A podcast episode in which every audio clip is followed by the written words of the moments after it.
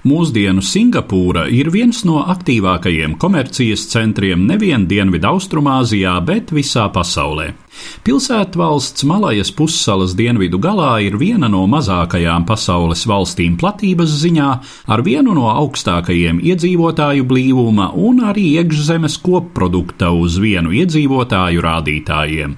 Tāpēc pat pārsteidzošs var šķist fakts, ka pirms 200 gadiem salu, kuru tagad apdzīvo vairāk nekā 5,5 miljonu singapūriešu, klāja purvi, mangrovu audzes un te mitinājās kāds tūkstotis vietējo iedzīvotāju. Tāda aina pavērās Britu ekspedīcijas dalībniekiem, kuri Sēra Tomasa Stenforda Rafulza vadībā iekuģoja Singapūras upes grīvā 1818. gada decembra beigās. 19. gadsimta sākumā Dienvidu-Austrumāzijas ūdeņos jau kādus simt gadus saimniekoja nīderlandieši.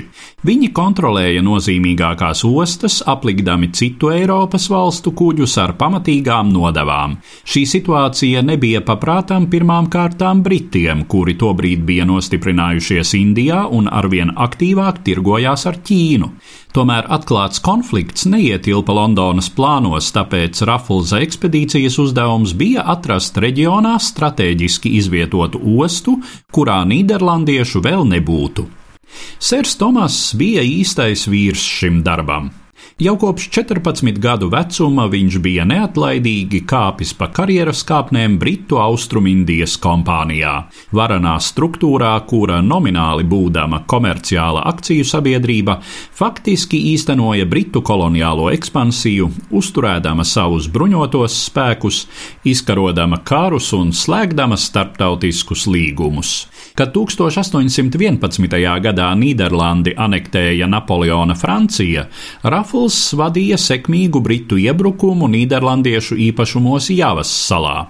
Pēc Napoleona karu beigām viņu iecēla par ģenerālgubernatoru Benkūlenā, Britu kolonijā Sumatras salā, un šajā statusā viņš arī stājās minētās ekspedīcijas priekšgalā. Rafuls stūdaļ novērtēja Singapūras salas atbilstību britu mērķiem. Te bija ērta osta, bija neierobežotas saldūdens rezerves, līdzās esošie džungļi nodrošināja apbūvēju un kuģu remontam nepieciešamos koku materiālus. Viduslaikos šeit jau bija bijusi diezgan nozīmīga osta, taču pēc tam, kad 17. gadsimta ieskaņā to nopostīja Ačehas sultāna armija, sāla uz pāris gadsimtiem pazuda no pasaules tirdzniecības ceļu kartēm. Tikai dažus gadus pirms Rafulza salā no līdzās esošās cietzemes bija ieradies Džohoras sultāna vietvaldis un apmeties ciematiņā ar pusotru simtu iemītnieku. Džohora bija Nīderlandiešu vasaļvalsts, attiecīgi Britiem te nebūtu izredzu, taču Tomas Rafuls lieliski pārzināja vietējos apstākļus.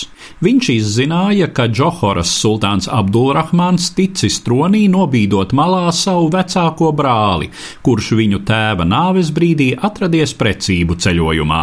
Briti uzmeklēja trimdā izraidīto princi Huseinu, nogādāja viņu Singapūrā un noslēdza vienošanos atzīstot viņu par likumīgo Džohoras valdnieku un apmaiņā saņemot tiesības nodibināt Singapūrā tirdzniecības faktoriju. Līgums tika parakstīts 1819. gada 6. februārī, ko arī uzskata par modernās Singapūras dibināšanas dienu.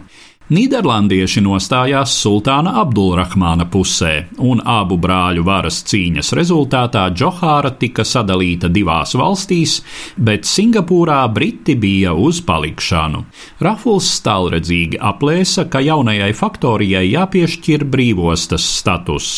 Austrumindijas kompānija nebija gatava lieliem kapitāla ieguldījumiem, tāpēc sākotnēji, lai savilktu galus, Singapūras pirmais gubernators Viljams Fārkers pārdeva licences spēļu namiem un opijas mēķētavām un pieļāva vergu tirdzniecību. Tikām brīvostas status darīja savu. Jau pirmajā gadā apgrozījums sasniedza 400 tūkstošus spāņu dolāru, pāris gadus vēlāk tie jau bija 8 miljoni, bet 1825. gadā jau 22 miljoni, apsteidzot vairumu reģiona ostu. Līdz ar ostas apgrozījumu trieciena tempā auga arī iedzīvotāju skaits, stāstīja Eduards Liniņš.